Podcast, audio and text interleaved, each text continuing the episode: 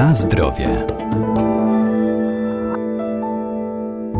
Nasiona roślin strączkowych są wciąż niedoceniane. Ich walorem odżywczym jest zwłaszcza wysoka zawartość białek, ale są one także bogatym źródłem węglowodanów, błonnika czy kwasów tłuszczowych. Warto też sięgać po grzyby.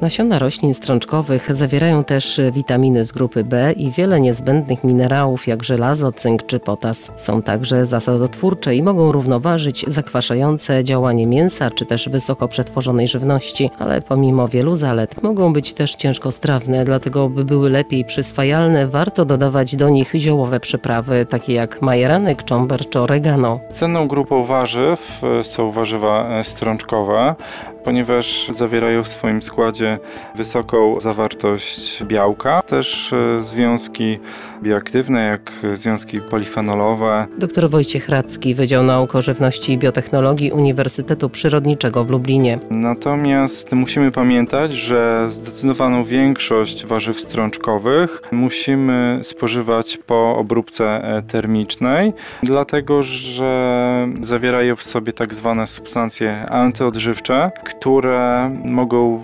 niekorzystnie wpływać na wchłanianie pewnych substancji, czy również po spożyciu warzyw strączkowych, które nie były uprzednio gotowane, możemy spodziewać się na różnego rodzaju dolegliwości żołądkowe, wzdęcia. Dzieje się to dlatego, że e, te substancje antyodżywcze mogą być wykorzystywane przez bakterie, które wykorzystując je wytwarzają w naszym organizmie gazy. Do roślin strączkowych e, zaliczamy m.in m.in. fasolę, groch, soczewicę, e, ciecierzycę, bób, fasolę, a także soję. Ciekawostką jest to, że również orzeszki e, ziemne e, są rośliną strączkową. Wszystkie te rośliny łączy taki wspólny mianownik, a mianowicie posiadają wysoką zawartość białka. Najwięcej tej substancji zawiera soja i warto pamiętać, że białko sojowe jest białkiem pełnowartościowym o wysokiej wartości odżywczej. E, charakterystyczną cechą e, roślin strączkowych, jak sama nazwa wskazuje, jest to, że e, rosną w strączkach. Wcześniej są z tych strączków wyciągane. Na zdrowie.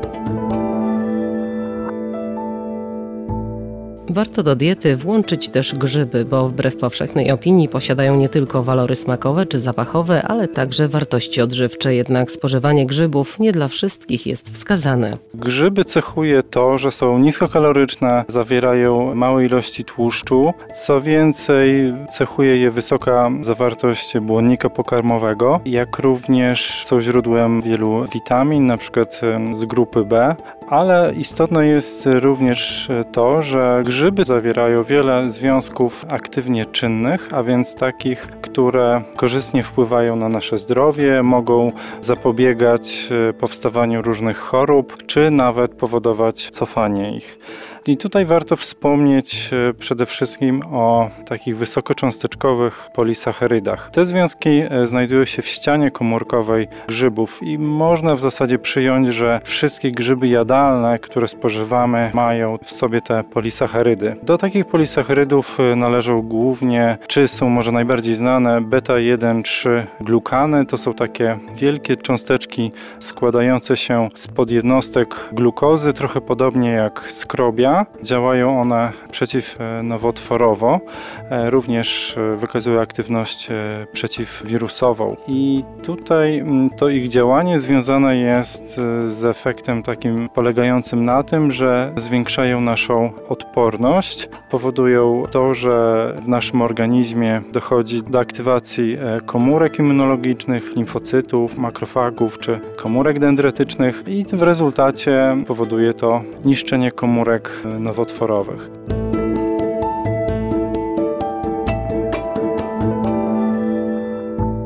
Dieta powinna być jak najbardziej urozmaicona, aby dostarczała nam odpowiednich ilości wszystkich witamin i składników mineralnych. Należy też zadbać o właściwe nawodnienie organizmu oraz dobry i długi sen.